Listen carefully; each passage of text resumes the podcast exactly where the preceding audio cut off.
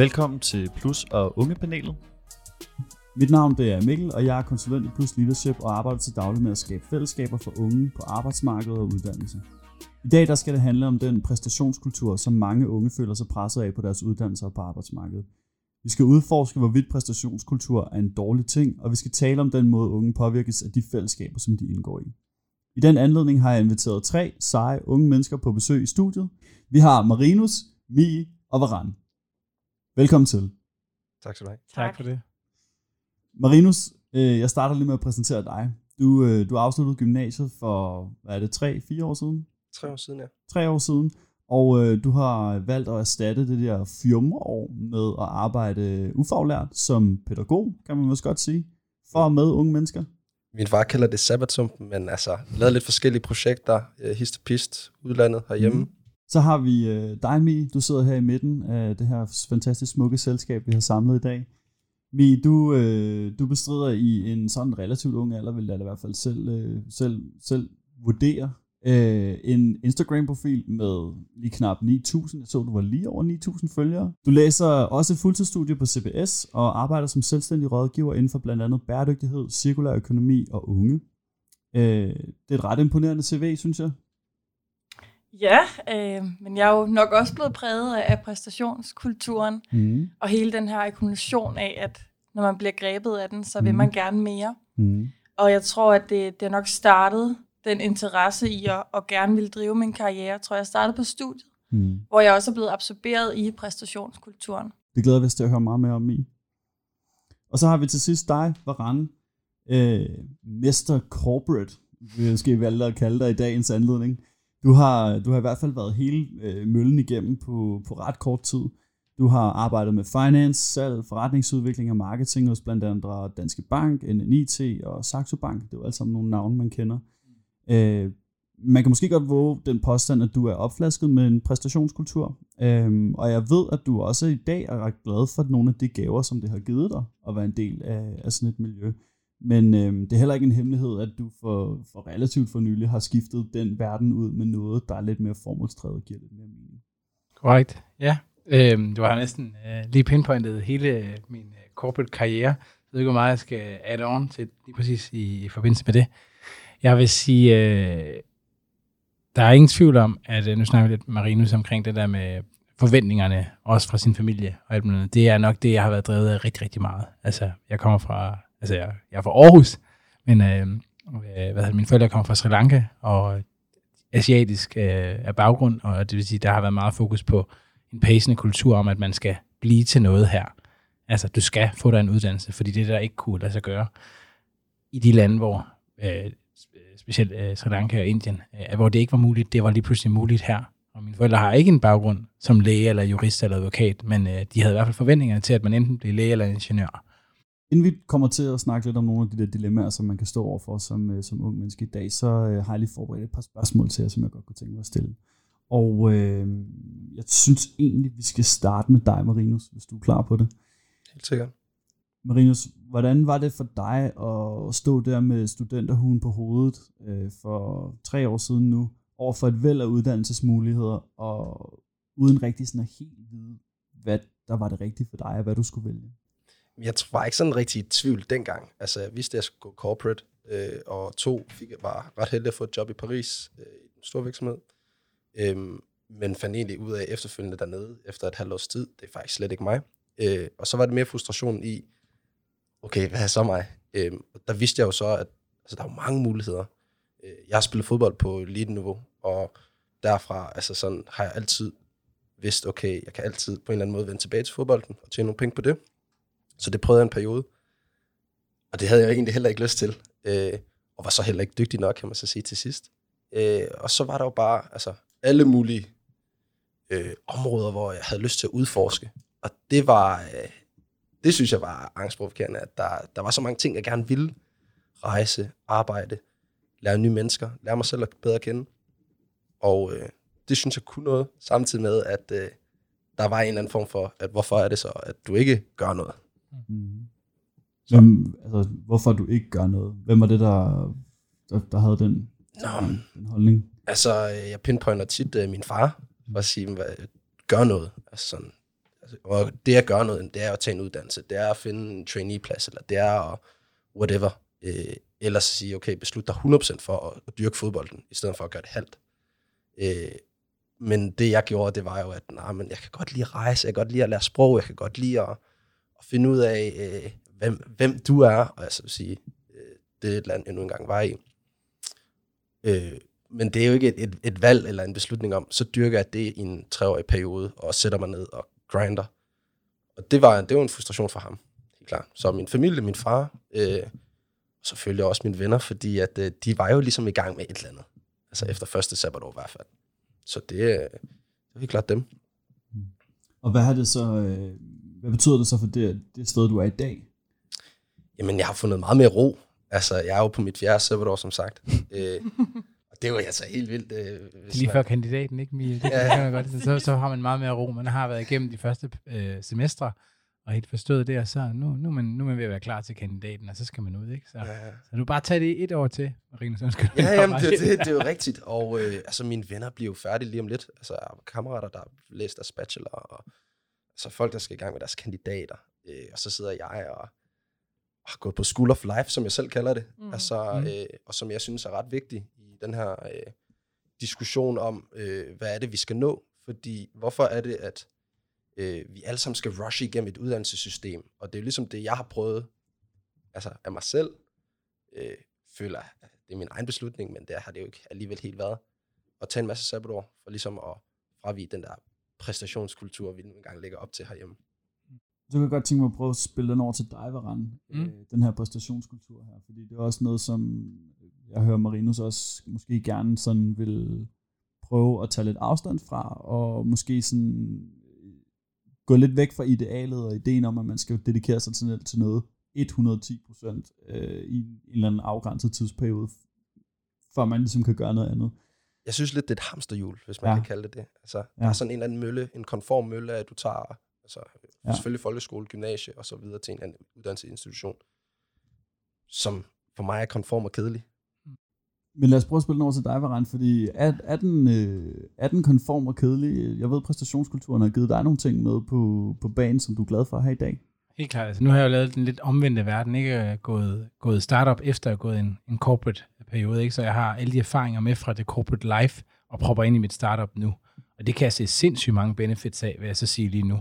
Men det ved man jo ikke, når man sidder på den anden side, og det vidste jeg jo heller ikke selv, da jeg hoppede ind i den her uh, the corporate life. Altså som siger, det var alle som alle vennerne gik jo i en retning, og det, det var jo bare sådan, nej, men det var bare en no-brainer. Den måske ikke no-brainer, jeg lavede, var, at da jeg blev færdig med IT og kommunikation, altså Human-Computer Interaction, eller UX Service Design, som man nu kalder det i dag, alt det med de flotte skærme og sådan noget, så hoppede jeg ind i en banksektor, øh, i en forretningsudviklingsstilling i Danske Bank, i investeringsbankverdenen, altså investment banking. Og jeg vidste intet omkring banking, da det var. Folk de grinede lidt af, da jeg hoppede ind i den. Jeg så den nemlig som et, okay, jeg skal lære noget her. Så jeg tog den lidt ligesom at sige, nu kommer jeg ind i et corporate life, nu skal jeg lære en masse, men jeg skal ikke bare stå stille. Det var det, jeg havde meget fokus på. Så min målrettighed var ikke de næste fem år i en BIX, selvom det var det, man gjorde dengang. Der var ikke sådan noget CV-rytteri som nu, og det synes jeg er super fedt, man gør i dag. Så, øh, men, men der var meget fokus på, at man blev der i længere perioder. Men jeg brugte hele tiden at sige, at jeg tog min temperatur hver 9. måned. Øh, ligesom at det tager 9 måneder du ved, at, at, at få et barn til verden. Så tog jeg mit, øh, tog min temperatur øh, hver 9. måned, så var jeg, var jeg udviklet af mig. Stillede jeg mig selv spørgsmålet, sådan, fik jeg det, jeg gerne vil have ud af, der hvor jeg var. Og ellers så fandt jeg altid en måde, og så udvikle mig videre på et andet sted. Det jeg fandt ud af, det er at sætte de der deadlines for sig selv i den periode. Skubbede dig max big time på den sociale udvikling, altså på den personlige udvikling. Eller du fagligt også, ja, du lærer en masse, det er fint nok, men det var sgu sjovere at prøve den der øh, personlige udvikling, du havde der. Så der fik jeg ret meget, hvad skal man sige der. Men er det ikke lidt det, der definerer sådan præstationssamfund og kultur, at vi hele tiden skal udvikle os? At man må aldrig nogensinde stå stille og være passiv på en eller anden måde?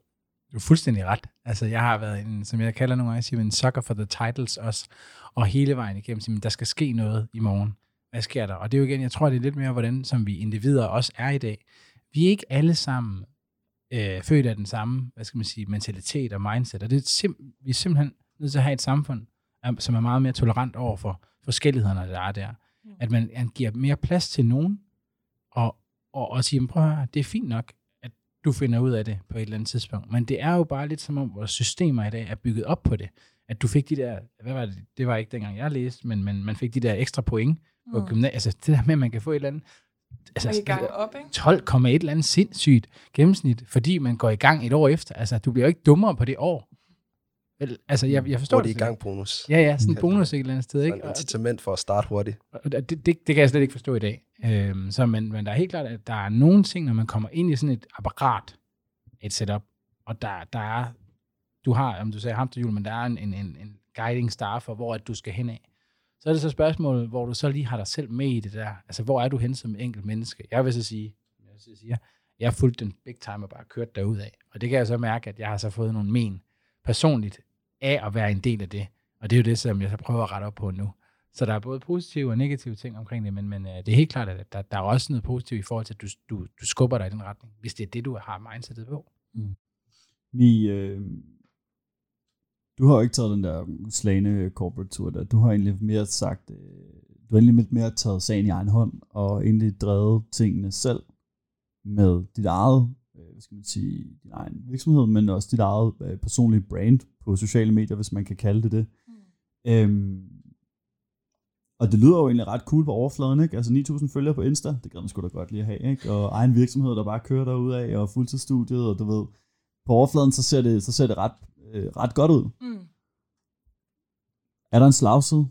Gemmer der sig noget inde bagved? Ja, det der med at gøre sin person til, egen, til, til et brand, havde jo for mig store personlige omkostninger. Øh, fordi ja, mit CV er flot, men det har haft store personlige omkostninger. Og jeg blev syg med stress af det. Øh, jeg fik en sygemelding fra min læge. Den var lang. Men fordi jeg stadigvæk var så embedded eller involveret i præstationskulturen, både på mit studie, øh, men også i, i alle de mennesker, jeg omgås mig med, var det svært for mig at acceptere, at jeg faktisk var blevet syg med stress, og tage den sygemelding. Så jeg fortsatte mit arbejde og prøvede ligesom at opretholde øh, den kadence, jeg havde i gang, indtil at min krop sagde så fysisk fra, at jeg blev nødt til at, at tage en pause. Så du fortsatte faktisk, selvom du havde fået en sygemelding? Jeg fortsatte lang tid. Og jeg fortsatte også meget længere, end efter min krop havde sagt stop, øh, fordi jeg ikke ville erkende det. Og det var svært for mig at indse det der med, at man er uovervindelig. Men det var, fortalte min krop mig. Hvad var, det sådan, det, hvad var så det udløs, den udløsende faktor for, at du til sidst indså det? Det kom meget bølger. Øh, fordi jeg kunne godt indse det bølger, men så kom der så bagefter en anden bølge, som sagde, ah nej, det er ikke så slemt. Vi kører bare videre. Øh, og jeg tror også for mig var det meget svært både at acceptere, som jeg nævnte, men også at tale om. Mm. Så det var noget, jeg holdt meget i min indercirkel, fordi det er så tabubelagt, som det stadigvæk er. Øh, og det er ret sjovt, fordi efter jeg begyndte at tale højt om det, både professionelt i min familie med mine venner, så vælter det jo frem med folk, der har det ligesom mig, eller har haft det ligesom mig, eller været lignende, noget lignende igennem. Øh, så det er super udbredt, men det er tabubelagt at snakke mm. om. Øh, så jeg tror, derfor prøvede jeg bare at presse på. Når man så har mærket de der ting, så er det sindssygt nemt at spotte næste gang. Mm. Og det er så sket flere gange, hvor at, uh, nu uh, Mia og jeg, vi havde også et ophold sammen med Sustainable Changemaker, så i den periode, der har sket så sindssygt mange ting. Mm. Og der kunne jeg også godt mærke, at jeg er nødt til at trække mig fuldstændig fra noget af det, fordi at jeg kunne ikke altså blæse og hamel, eller hvad fanden hedder whatever. I det der, på ja, ja, ja, på samme tid. Ja. Det kunne jeg simpelthen ikke. Øh, og så har jeg også øh, to små børn, jeg skal være far for, og hele det her, og det her startup life er altså ikke 80 timer om ugen, som øh, Martin Thornborg og Jesper Buch har siddet og råbt højt om i de fleste, i de unge dage, ikke? Det her, det handler om, at man er et menneske, både derhjemme, som også professionelt, hele vejen rundt. Og det er noget, som jeg prædiker rigtig meget. Men hvis jeg ikke havde været igennem den der corporate life, hvor man blev smadret fuldstændig, fuldstændig med de der 70-80 McKinsey-timer-agtigt lignende ting, så, så altså, du, du kan godt lære det, uden ved at høre en historie, som, som det vi taler ud af i dag, og så lige sige, hey, der var så nogle kloge, unge mennesker. Altså ikke de gamle, der sidder og siger det, fordi man gider sgu ikke at lytte til dem. Men vi er kun 33, jeg ved ikke, hvor gammel du er, Mia, det kan jeg ikke huske. 26. 26. Så vi har prøvet det altså, i en meget, meget ung alder, og så kunne sige, hey, pas lige på jer selv. Jeg kunne godt tænke mig at høre, hvad, giver, hvad vækker det af, af refleksioner hos dig, Marino, så sidder og lytte til det, de to fortællinger her, beretninger her? Mm, jeg sidder og tænker sådan, altså først og fremmest, så synes jeg, fordi jeg kommer fra verden, at det at præstere og det at have konkurrence, som jeg ser det præstation er, det er sindssygt sundt. Mm. Øh, det er sindssygt sundt, øh, når det gælder sport, og det gælder også skole, fordi nogle gange så, altså, så fremmer det jo selvfølgelig en klasseslæring, og det fremmer ens egen udvikling, og man er nødt til at komme ud til det punkt, hvor man nogle gange bliver presset, og også som I siger, at vi bliver, kommer derud, hvor at, øh, vi, øh, vi ligesom ikke brister, men hvor, hvor vi, altså det oplever man bare. Jeg har selv oplevet det fodboldmæssigt. Skader, øh, fordi jeg har trænet alt for hårdt, mm. og også, altså, fordi jeg også gerne vil være en del af karakterræset. Øhm, men jeg, jeg tænker sådan egentlig, at vi må også kunne i det her, altså jeg vil slå et slag for, at man også er nødt til at tage en pause en gang imellem, som du gør. Altså, træk stikket, og I siger, at der ikke er plads til det. Det føler jeg på en eller anden måde, måske ikke for dem, der går i 7. til 9. klasse, eller i gymnasiet især, der kan være plads, de føler det i hvert fald ikke. Øhm, det har jeg i hvert fald, det, det jeg oplever sådan hands med dem, jeg har. Men det kan man godt. Øh, og det er svært at banke det ind i, i hovedet på, på folk. Men har man altid ideen, har man altid følelsen af, at man har nogle holdkammerater, der kommer og, og bakker en op og griber en? Altså, det kræver jo lidt, om de ved det. Ellers så er det jo lidt svært, kan man sige. Og for mit vedkommende var der ikke nok, der vidste til at kunne gribe det. Det var nummer et. Da jeg så kunne begynde at lige så stille at fortælle om det, det også gik op for mig selv, hvad der egentlig var sket, for jeg tror, de to gik rigtig meget hånd i hånd, at jeg, jeg fattede ikke, hvad der egentlig skete med min krop, udover at den bare ikke ville nogen af de ting, jeg gerne ville. Øhm, så, øh, så vil folk gerne hjælpe, men der er også en rigtig stor forvirring om, hvad man skal gøre, hvad er det, fordi det er ikke et forstuet knæ. Du kan ikke se det, du kan ikke røre ved det, så det er svært ligesom at forholde sig til, hvad er stress for en størrelse. Og der er også lidt en anden form for, oplevede jeg, berøringsangst omkring det. Øhm, ligesom det er tabu at tale om, så er der også berøringsangst i forhold til at hjælpe. Øhm, og så ved jeg ikke, om jeg er helt enig i den der med, at, at man skal have en pause, og så kan komme tilbage til fuld styrke igen, som man måske kan med en fodboldskade. Fordi sådan har jeg ikke oplevet, i hvert fald for mit eget vedkommende, at det er, når man bliver syg med stress, fordi man har presset sig selv for hårdt. Man kommer ikke tilbage med samme styrke. Man kommer ikke tilbage på samme kadence, fordi man har oplevet, hvordan ens krop reagerer, når man har været derude. Øhm. Bliver man ikke det klogere så, altså efterfølgende? Jo, meget. Og det er jo tit og ofte også det, hvis jeg går tilbage til det med fodboldanalogi, mm. at du bliver jo det klogere på din egen krop, og på altså vide, hvad det er, du er altså capable. Og når det er sådan, at okay, jeg kan ikke gå ud i den bevægelse, eller i hvert fald ja. ikke med den styrke, jamen samme gælder jo arbejdslivet, kunne jeg forestille mig. Lige præcis. Og det er også derfor, som jeg nævnte før, det er en, for mig er det en af de fedeste læringsrejser, jeg har været på, fordi jeg har lært mine egne grænser, og jeg har lært mig selv at kende på et helt andet niveau, øhm, som har været super hjælpsomt. Jeg tror også, at, jamen jeg tror, i, i forhold til den her præstationskultur, som der findes i forskellige steder, hvor vi nu er henne, om det så er startup, eller du er i øh, studiesamfund, altså det er det, hvordan vi, vi, vi er blevet uddannet på, og også vores, ikke bare vores, altså vores miljø, men også øh, den kulturelle opbakning, der er omkring de øh, venner og bekendte, der har sådan, når man vi er alle sammen enroll på den her studieting, og så skal vi bare hamre derud af, og så kører vi bare derud af. Men med, bare lige for at runde den af, så kan jeg godt tænke mig at spørge, hvordan den kultur, som du skaber i Make Impact, øh, og den, det miljø, som du skaber i Make Impact, øh, er det et miljø, hvor man, øh, hvor man griber hinanden? Vi, øh, vi, kalder, vi, vi arbejder meget med familie, altså Make Impact Family. Altså meget med, altså deadlines er det ikke noget, som vi råber og skriger omkring. Øh, jeg havde en god cykeltur på vej øh, her øh, i morges efter et, et, et, et møde, hvor et, øh, vi har en CBS-studerende, øh, som, som øh, spørger omkring det her med deadlines. Er det noget, Varen, du, øh, du, du arbejder med? Det slog det mig faktisk, at jeg egentlig Make Impact egentlig ikke arbejder så sindssygt hårdt fastet efter de der deadlines. Og det har jeg valgt faktisk at fjerne. Hvor jeg tidligere hen har været meget sådan, okay, den her dato skal vi gøre det her. Det her det skal ud den her dato, og det skal sådan her ud. Det skal være det her niveau. Bum, bum, bum. Og jeg er begyndt sådan meget mere, og så tænke, jamen, øh, hvis vi ikke går live den her måned, jamen, så gør vi ikke det. Så der er også, det handler også om at, skabe, at bygge noget mere fleksibilitet ind i den måde, mm. I kører, I kører biksen på, sådan, så der er plads til, at folk kan være der, og at vi kan lykkes sammen, i stedet for, at vi skal piske hinanden til at nå deadlines. Præcis. Altså man står der også, fordi man gerne vil det, fordi man er passioneret omkring, hvad man arbejder med. Mm. Der er noget, der hedder passion her, vi lige skal have med ind i billedet af purpose, ikke? Mm, yeah, fordi at vi har People, Planet, Profit, og vi har bæredygtighed og mening og alt muligt andet, som vi alle sammen er på den rejsen til. Men passionen og purpose, der ligger der, hvorfor fanden gør vi det her? Mm. Hvad er meningen med det? Hvad vil vi gerne personligt have ud af det? Det er det, der er vigtigt. Værdig, værdighed hedder det også. Værdygtighed.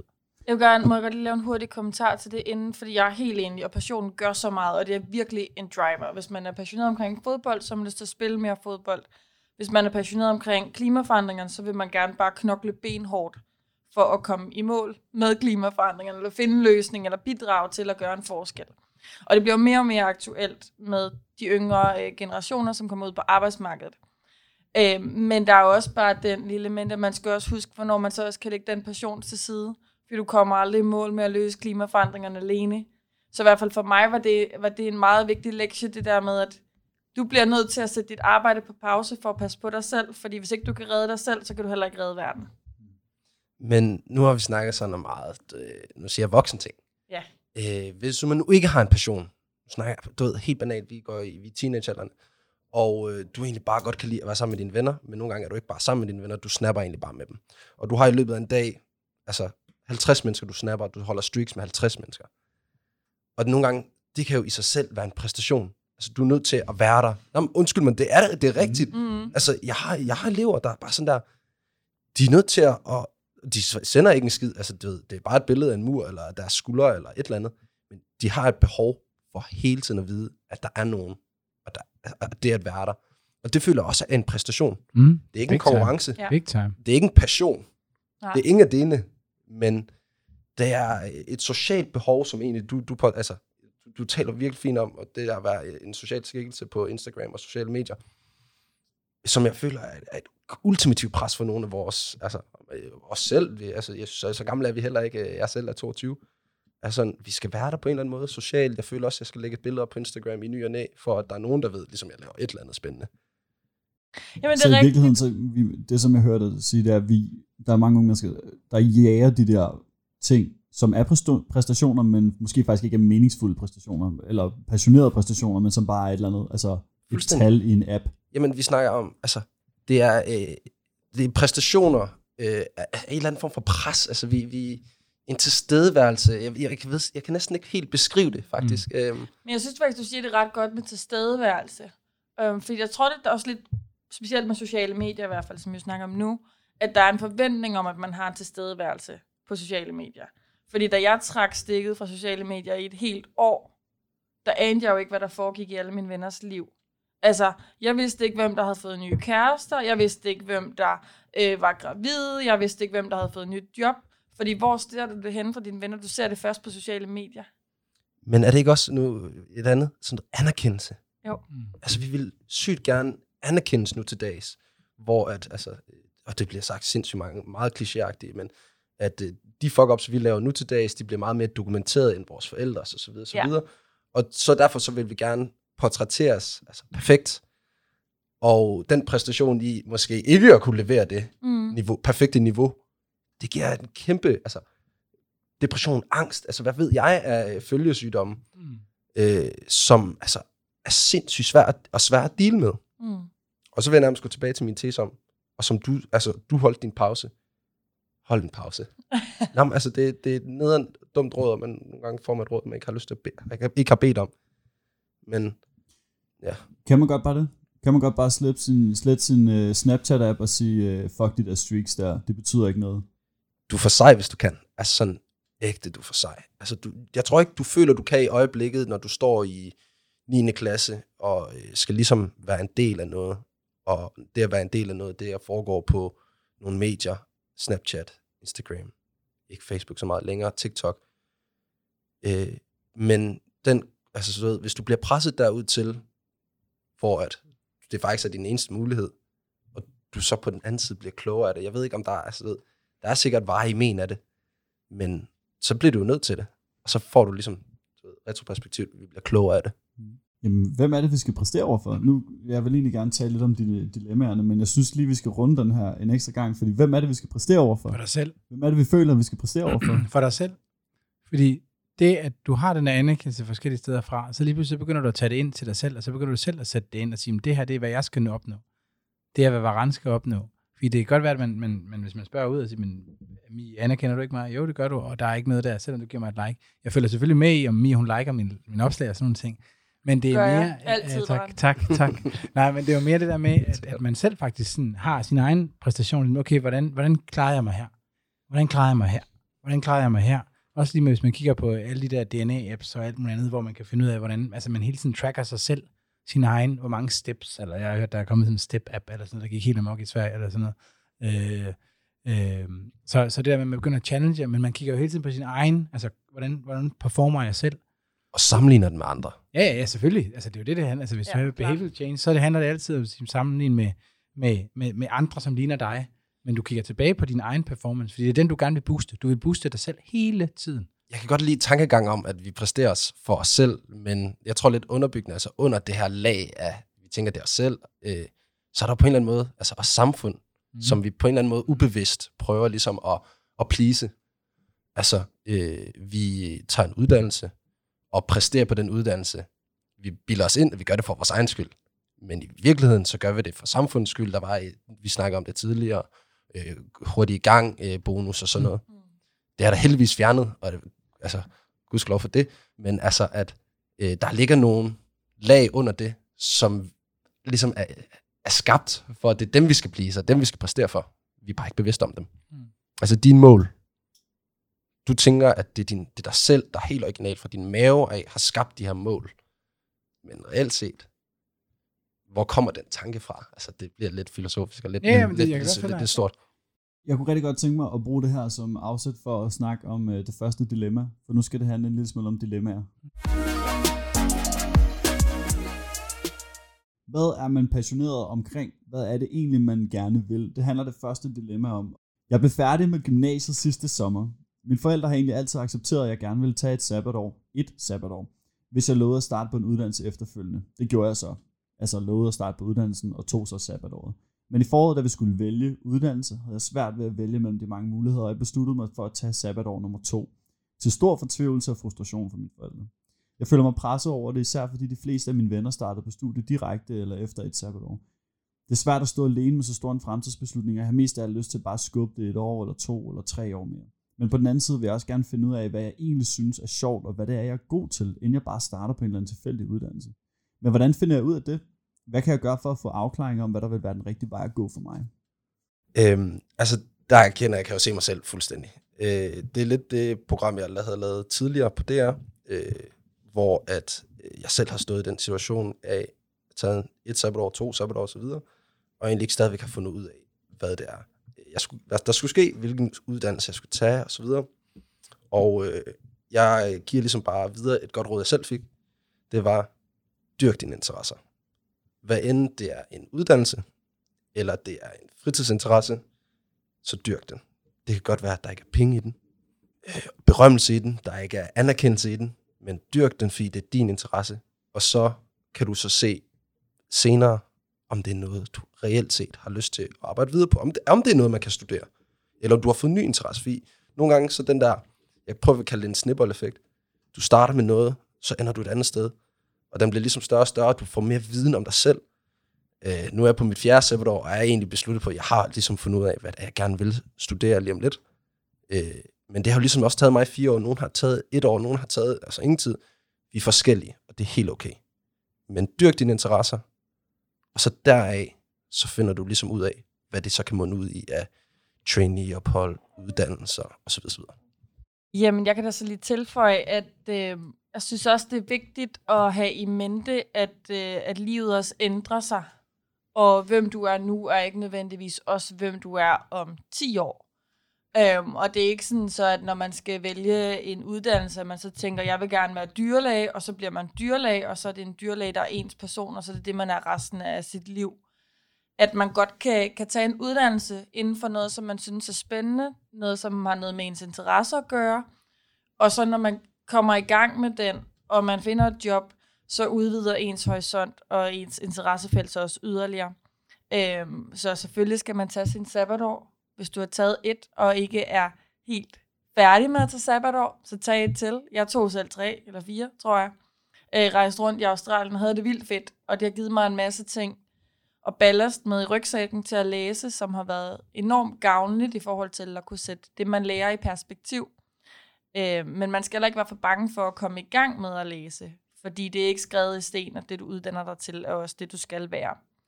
Øh, og så et andet råd i forlængelse af det, er måske også noget, jeg i hvert fald personligt har fortrudt ret meget, som er, at jeg ikke tog et sabbatår mellem min bachelor og min kandidat. Man kan godt læse i tre år, tage en bachelor, komme i gang med det, og så tage en pause igen, inden man læser videre.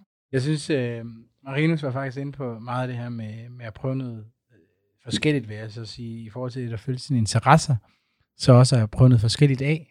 Altså, jeg vil bare sige, work in a startup, så får du i hvert fald lov til at prøve en masse forskellige af. Mange forskellige roller, man kan prøve i sådan et, om det er tech startup, eller hvad det nu skal være. Øh, jeg tror også, at man skal tænke på, at lige så meget som karrieren bliver zigzag, så bliver din uddannelse også zigzag, eller snibbold. Mm. Fordi, at, at, som jeg startede med at sige, jeg startede med at læse uh, øh, IT-service, uh, øh, UX, og startede så mit første job i en bank med investeringer. Jeg vidste intet omkring det. Jeg YouTubede finansielle produkter for at komme i gang. Så jeg startede faktisk from scratch derefter, men jeg havde bare det der på CV'et, som så gjorde, at jeg kom ind et sted. Øhm, så, så det handler ret meget omkring at tænke, at, at netop det er ikke cut in stone, eller hvad man skal sige, øh, resten af livet. Du lærer hele tiden. Så det kan godt være, at man starter på noget, så finder man, det er sgu ikke mig. Nå, så må man finde noget, noget andet. Men man kan, jeg kan i hvert fald sige nu, Steve Jobs havde en super, super fed tale, man skal lige skal google, der hedder Connecting the Dots, en, en, en tale på Stanford, hvor han fortæller omkring, at de ting, han lærte, han tog et kalligrafistudie, øh, det der med, hvordan man tegner og skriver og sådan noget, det faldt, altså, han synes, det var interessant. Han vidste ikke, hvad han skulle bruge det til, men han synes, det var sindssygt interessant. Men da han så første gang skulle lave den første Mac, og han skulle snakke med typografien og sådan noget, så tog han alt det learning derfra. Så man siger, det er connecting the dots. Man kan aldrig fremtidsforske, altså vide, hvad det er, man skal bruge de her learnings, man har til. Men det, du gør nu, Marinus, i din øh, pædagogrolle lige nu, med at arbejde med, med børn om og unge mennesker og sådan noget psykologisk set, har måske en sindssygt stor virkning på dig om 10 år, når du sidder et eller andet sted, og du skal være et eller andet med noget HR eller et eller andet, og du sidder... Jeg skal være far. Skal, skal være far? Ja, ja, selvfølgelig. Det får du rigtig meget. Det kan jeg, trust me, det kan jeg lære rigtig meget af. Øh, men hele den der learning der, øh, kan du måske ikke se lige i dag. Og det tror jeg, det er ret vigtigt, at man skal bare sige, lev i nuet, vær i nuet, og så sige, godt, det her, det kan jeg bruge til noget i fremtiden, for sure. Men hvordan, det ved man ikke. Men altså, det er også sindssygt svært at leve i nuet. Altså, vi, vi, vi er jo sådan her installeret, at øh, vi, vi som mennesker, jeg fortalte dig om den her teori, Mikkel, vi skal hele tiden vækste. Teorien om, vi hele tiden skal vækste. Vi kan tage øh, blandt andet det her term inflation, øh, inflation hvor at, altså, inflationen den ligesom stiger, vi skal altid, øh, det hus, det skal også stige i værdi, og vi skal hele tiden vækste, vi skal også blive klogere, vi skal udvikle os hele tiden, som du sagde. Og derfor så er det svært hele tiden, der, der, der skal være en, en plan med det, eller i hvert fald et, en eller anden form for, for mål med det, vi gør. Og vi skal vækste i en, i en professionel forstand, når vi tager en uddannelse, men vi skal hele tiden forbedre os, men, og derfor så skal der være en, en fremtidsplan med det. Altså, øh, og derfor så føler jeg nok godt, at det kan være svært at leve mm. i nuet. Mm. Altså, øh, jeg, jeg, jeg, jeg tænker da hele tiden selv, for mit eget vedkommende, om man lige om lidt skal jeg på højskole. Jeg, jeg tænker ikke på andet. Hvad fanden skal jeg lave op til? Jeg kan ikke rigtig nyde mit nu, lige nu, mm. altså nuværende nu. Samme kunne jeg forestille mig i, et andet tilfælde, der er i sabbatår. Altså man tænker hele tiden på, hvad fanden skal ske efter det her? Altså jeg skal arbejde med et eller andet. Og mm. så kan du ikke være 100% i dit nu. Jeg ved ikke, om det giver mening. Jo, det, det, det. Jeg, jeg kommer til at tænke på, da jeg havde mine to små unger til at starte med, da de, da de var øh, ni måneder eller et eller andet, ikke?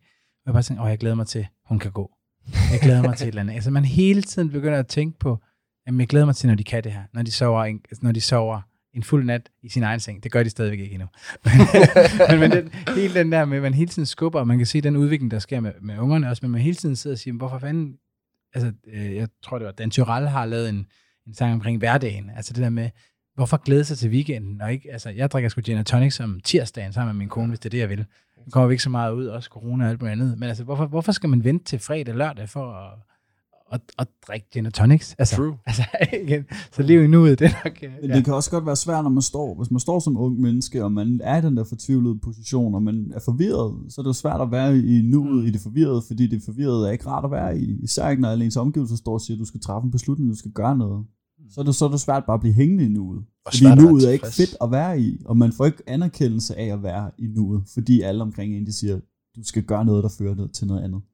Det er også noget, som jeg tror, man kan sige, det har jeg personligt ikke lært endnu, vil jeg sige. Så det er ikke noget, hvor vi går og står her og siger, nu har vi lært det hele, og vi er 33 nu. Og, er du ikke taknemmelig, Varen? Hvad? Er du ikke taknemmelig? Jeg er taknemmelig også, fordi, øh, for at, at vi hele tiden lærer, og det vil sige, når Mie hun siger, det som hun lige sagde der, med at, at vi hele tiden skal være taknemmelige for, hvor vi er henne lige nu, så skal man også lige tage ind og sige, husk nu det var en. Husk det nu. Husk ja. det nu. Fordi vi er ikke, jeg er ikke nået dertil. Det er også bare mm. ærlighed at sige, det er jeg ikke nået til nu. Jeg har samme problem stadigvæk. At sige, husk nu at være i det lige nu.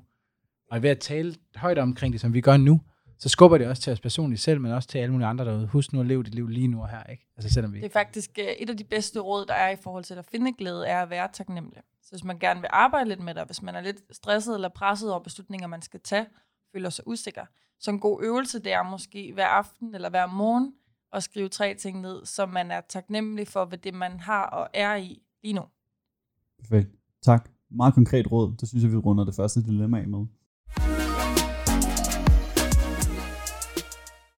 Så vil jeg gerne hoppe videre til det næste. Øhm, og det næste, det er, øh, det er, hvad skal vi kalde det, øh, spilleren, tror jeg, jeg vil vælge at kalde det, der, der, der skriver her. Jeg er universitetsstuderende på mit tredje år. Jeg har lige fået et fedt studiejob, som jeg er rigtig glad for. Men min nye chef forventer, at jeg arbejder 20-25 timer om ugen. Det har jeg umiddelbart ikke noget problem med, øh, men jeg kan godt mærke, at efter de to første uger, så er det mange timer, som jeg ikke kan fokusere på mit studie. Øh, jeg har altid sat nære i at præstere høje karakterer, og på gymnasiet fik jeg 500 kroner af mine forældre for hver 12-tal, jeg lavede. Men jeg er bange for, at de mange timer på min nye arbejde kommer til at gå ud over mine karakterer, fordi jeg har mindre tid til studie. Hvordan balancerer jeg fremover? Øh, hvordan kan jeg prioritere den måde, jeg bruger, bruger min tid på? Øh, og til sidst, så vil jeg jo også gerne hænge lidt ud med mine venner. Åh, oh, den er god. Ja, klassisk dilemma. Jeg, øh, et af de ting, som ændrede ret meget radikalt på mit liv, var at se uh, Bill Gates og Warren Buffett snakke omkring time management. Uh, det var en CNN, det kan jeg også lige google og sende ud. Uh, Warren Buffett siger, if I could, I could buy everything in the world, basically, but I can't buy time. Snakker meget omkring, at vi alle sammen har 24 timer i livet, eller 24 timer i døgnet, og hvordan vi bruger dem på, er helt op til os selv. Så tilbage til det her dilemma her, hvor man siger, at der var noget karakterøkonomi fra sine forældre, og nu er der så noget økonomi via en studi- øh, studiejobsposition, og så er der noget karakterræs. Fordi hvad, og så er der nogle venner også. Så der er jo tre forskellige slags parametre, øh, som, som der bliver smidt ind i den der ligning. Og vi har 24 timer øh, gange 7, ikke? Øh, nu kan jeg ikke regne, men øh, 24 gange 7. Øh, så hvordan man vil bruge den tid, og du skal også sove, for også at kunne, altså restituere, skal du også kunne og den her vendetid har også vigtigt. Så, så det der med at kunne se sig lidt, og så, så, så er man nok nødt til at gå lidt længere frem og sige, men godt nok, hvis jeg ikke får den her karakter her, hvad har det af betydning for det job, jeg måske gerne vil lande længere hen af? Fordi hvis, hvis nu, som du også snakker omkring, det med at få noget erfaring, altså få noget håndholdt, produktiv erfaring, samtidig med sit studie, om du har din egen bæks, eller du har et studiejob, det giver jo også en masse straight A opportunities, når du skal få et job senere hen. Så det er jo den der overvej, opvejning om, altså er det McKinsey, du gerne vil lande i? Fordi så er karaktererne også super, super vigtige. Øh, hvis det er den model, de nu kører stadigvæk med på det tidspunkt. Eller er det et, et, øh, et, et mindre corporate job, hvor man ikke behøver at arbejde de der 80 timer om ugen? Så hvad er det, der har betydningsværdi? Hvad er det lige præcis der, hvor han, hun er lige nu, er super vigtigt at stille spørgsmålstegn til. Så jeg vil jo kigge på den der time management, og kigge på det, hvad, hvor er det henne, jeg får mest værdi?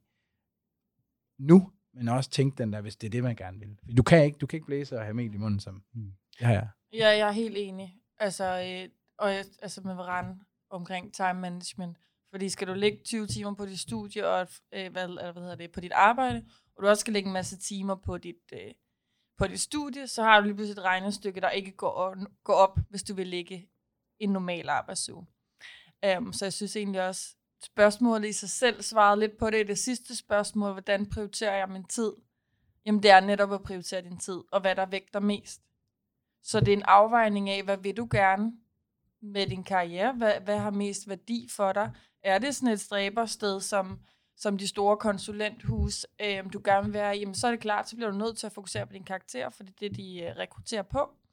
Men vil du... Øh, vil du gerne noget lidt andet, så kan du måske godt sætte presset lidt ned på studiet, og så arbejde mere. Øh, så er der selvfølgelig også nogle økonomiske overvejelser i, om man kan lade være med at arbejde, mens man studerer og sådan nogle ting. Men det er en prioritering af, hvor vil man gerne lægge sit fokus. Hvad hvis man gerne vil det hele? Hmm. Så ender man nok samme sted som mig. jeg kunne godt tænke mig at høre Marinus. Hvad, hvad, hvad tænker du om sådan et dilemma her? Jamen, altså, jeg har ikke de, de største forudsætninger naturligt øh, til sådan at kunne svare på det her sådan umiddelbart. Øh, jeg følger var fuldstændig i det her time management. Øh, jeg kan sige, at jeg er i en fuldstændig modsatte grøft i øjeblikket. Jeg har 20 timer øh, på mit arbejde, og øh, det løber rundt, har det rigtig fint. Og så handler det om, tror jeg, at dyrke, som I siger, altså det er fuldstændig, som jeg har sagt, øh, prioritere, hvad er det, man vægter højst. Altså, for mig lige nu vægter jeg min fritidsinteresse rigtig højt. Dem dyrker jeg sindssygt meget. Øh, og mit job lidt mindre. Jeg kunne sagtens have lavet den omvendte. Jeg tror, i det her, i, i det her dilemma, jamen der handler det især om, okay, hvor meget betyder, altså lige der, den her prioritering af, hvor meget betyder penge, hvor meget betyder venner, hvor meget betyder job og fremtid. Øhm, men altså, det, det er jo hele den her øh, mellemregning af, hvad, hvad det så skal blive til. Mm. Og det er også, øh, det kommer lidt tilbage til noget af det, som øh, vi snakkede om i starten med, at, at det er måske også svært at vide, hvor meget de der ting betyder, hvordan man skal prioritere, hvis ikke man har prøvet at være altså, helt ude på kanten, som peger på dig, Varane, på dig, Mie, som I har prøvet, og som du for den sags skyld også, Marinus, har prøvet. Altså når man først har været ude og, og ramme sine egne begrænsninger, så ved man også ligesom, okay, hvad var så vigtigt for mig? Hvad var ikke vigtigt for mig? Den introverte præstationstripper skriver her. Jeg er lige startet på mit første rigtige voksenarbejde. Da jeg blev ansat af min chef, var hun meget imødekommende og enormt empatisk og lagde stor vægt på, at hun ville være tæt på mig i min onboarding, og generelt gøre, hvad hun kunne for at sikre mig en god start på mit nye arbejde. Men nu her, halvanden måned inden, har hun snakket med mig to gange, og ærligt talt så er jeg ret forvirret over, hvad der skal ske. Jeg er glad for at være sluppet gennem nåleret, og jeg vil jo også gerne gøre det godt, men jeg er usikker på, hvor jeg skal starte. Jeg ved simpelthen ikke, hvor jeg skal starte, fordi min chef, hun er der ikke, som hun lovede, og mine kollegaer, de har travlt med hvert deres arbejdsområde, og jeg har egentlig ikke rigtig lyst til at forstyrre dem. Jeg føler ligesom, det er mit eget ansvar at lykkes. Det er ikke deres ansvar. Hvad fanden gør jeg? Ærlighed og åbenhed, vil jeg sige. Meld ud, at du står alene med det nu, og du er ny, og du gerne vil have hjælp. Det var det. Jeg vil sige, øh, det er aldrig dit eget ansvar for at komme i gang på en arbejdsplads. Det er altid holdets ansvar. Og hvis der ikke er et hold, og hvis der ikke er en chef eller flere til at hjælpe der, så er det deres ansvar. Så det er vigtigt også at lige, altså i hvert fald ud fra, fra, fra den beskrivelse her, at det her dilemma, at, at man kan aldrig tage det ansvar, når man bliver, når man bliver en del af en, en virksomhedsfamilie eller sådan noget, så er det familien, der skal tage, tage imod personen.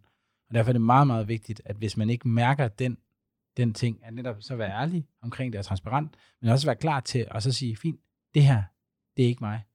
Fordi der er virksomhedskulturer, som er så forskellige, altså familier, som har forskellige slags indgangsvinkler, og man siger hej i dør, døren, og så bagefter, lader man, altså du ved, det, det er helt det der med, hvordan kulturen er i virksomhederne. Det der, vi har de her core values deroppe på, på væggen. Ja, fuck dem.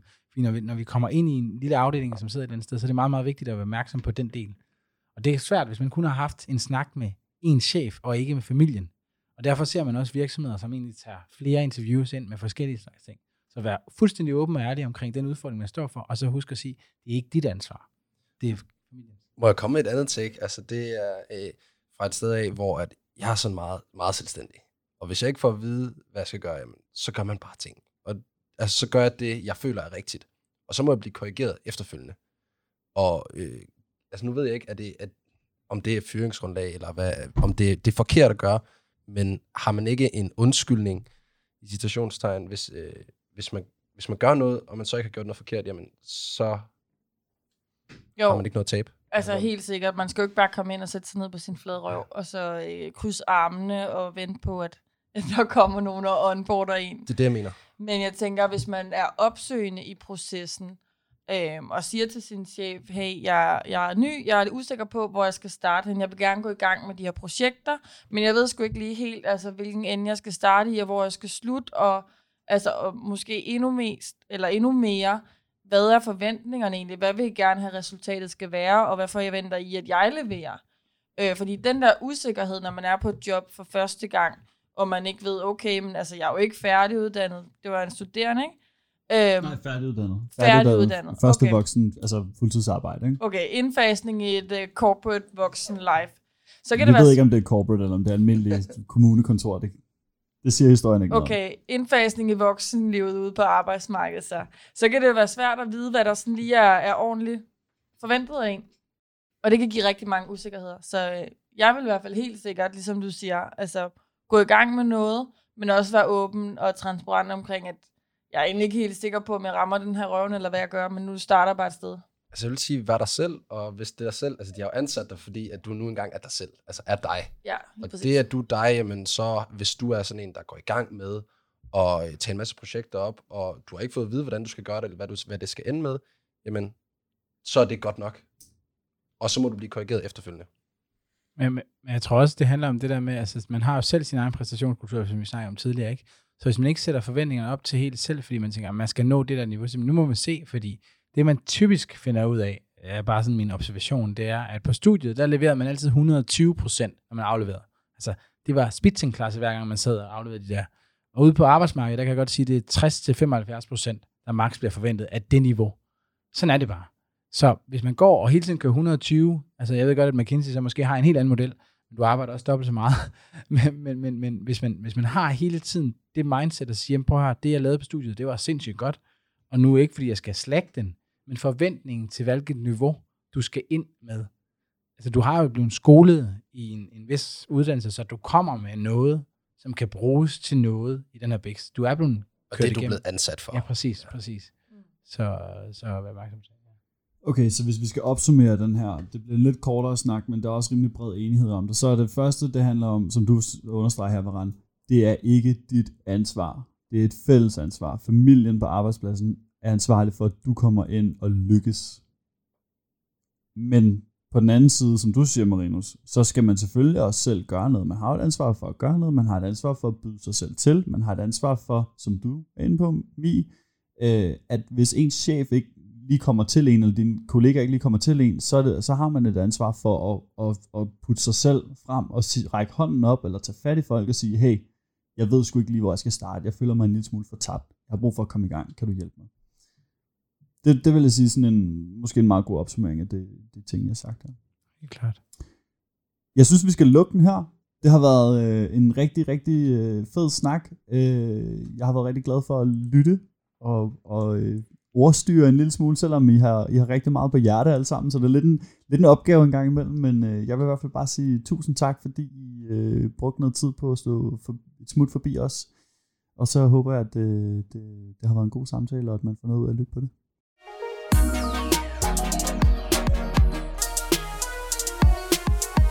Hvis du står og har nogle dilemmaer eller nogle spørgsmål, som du godt kunne tænke dig, vi tager op i panelet, så skriv det til os ved at trykke på linket i beskrivelsen, eller send os en mail på post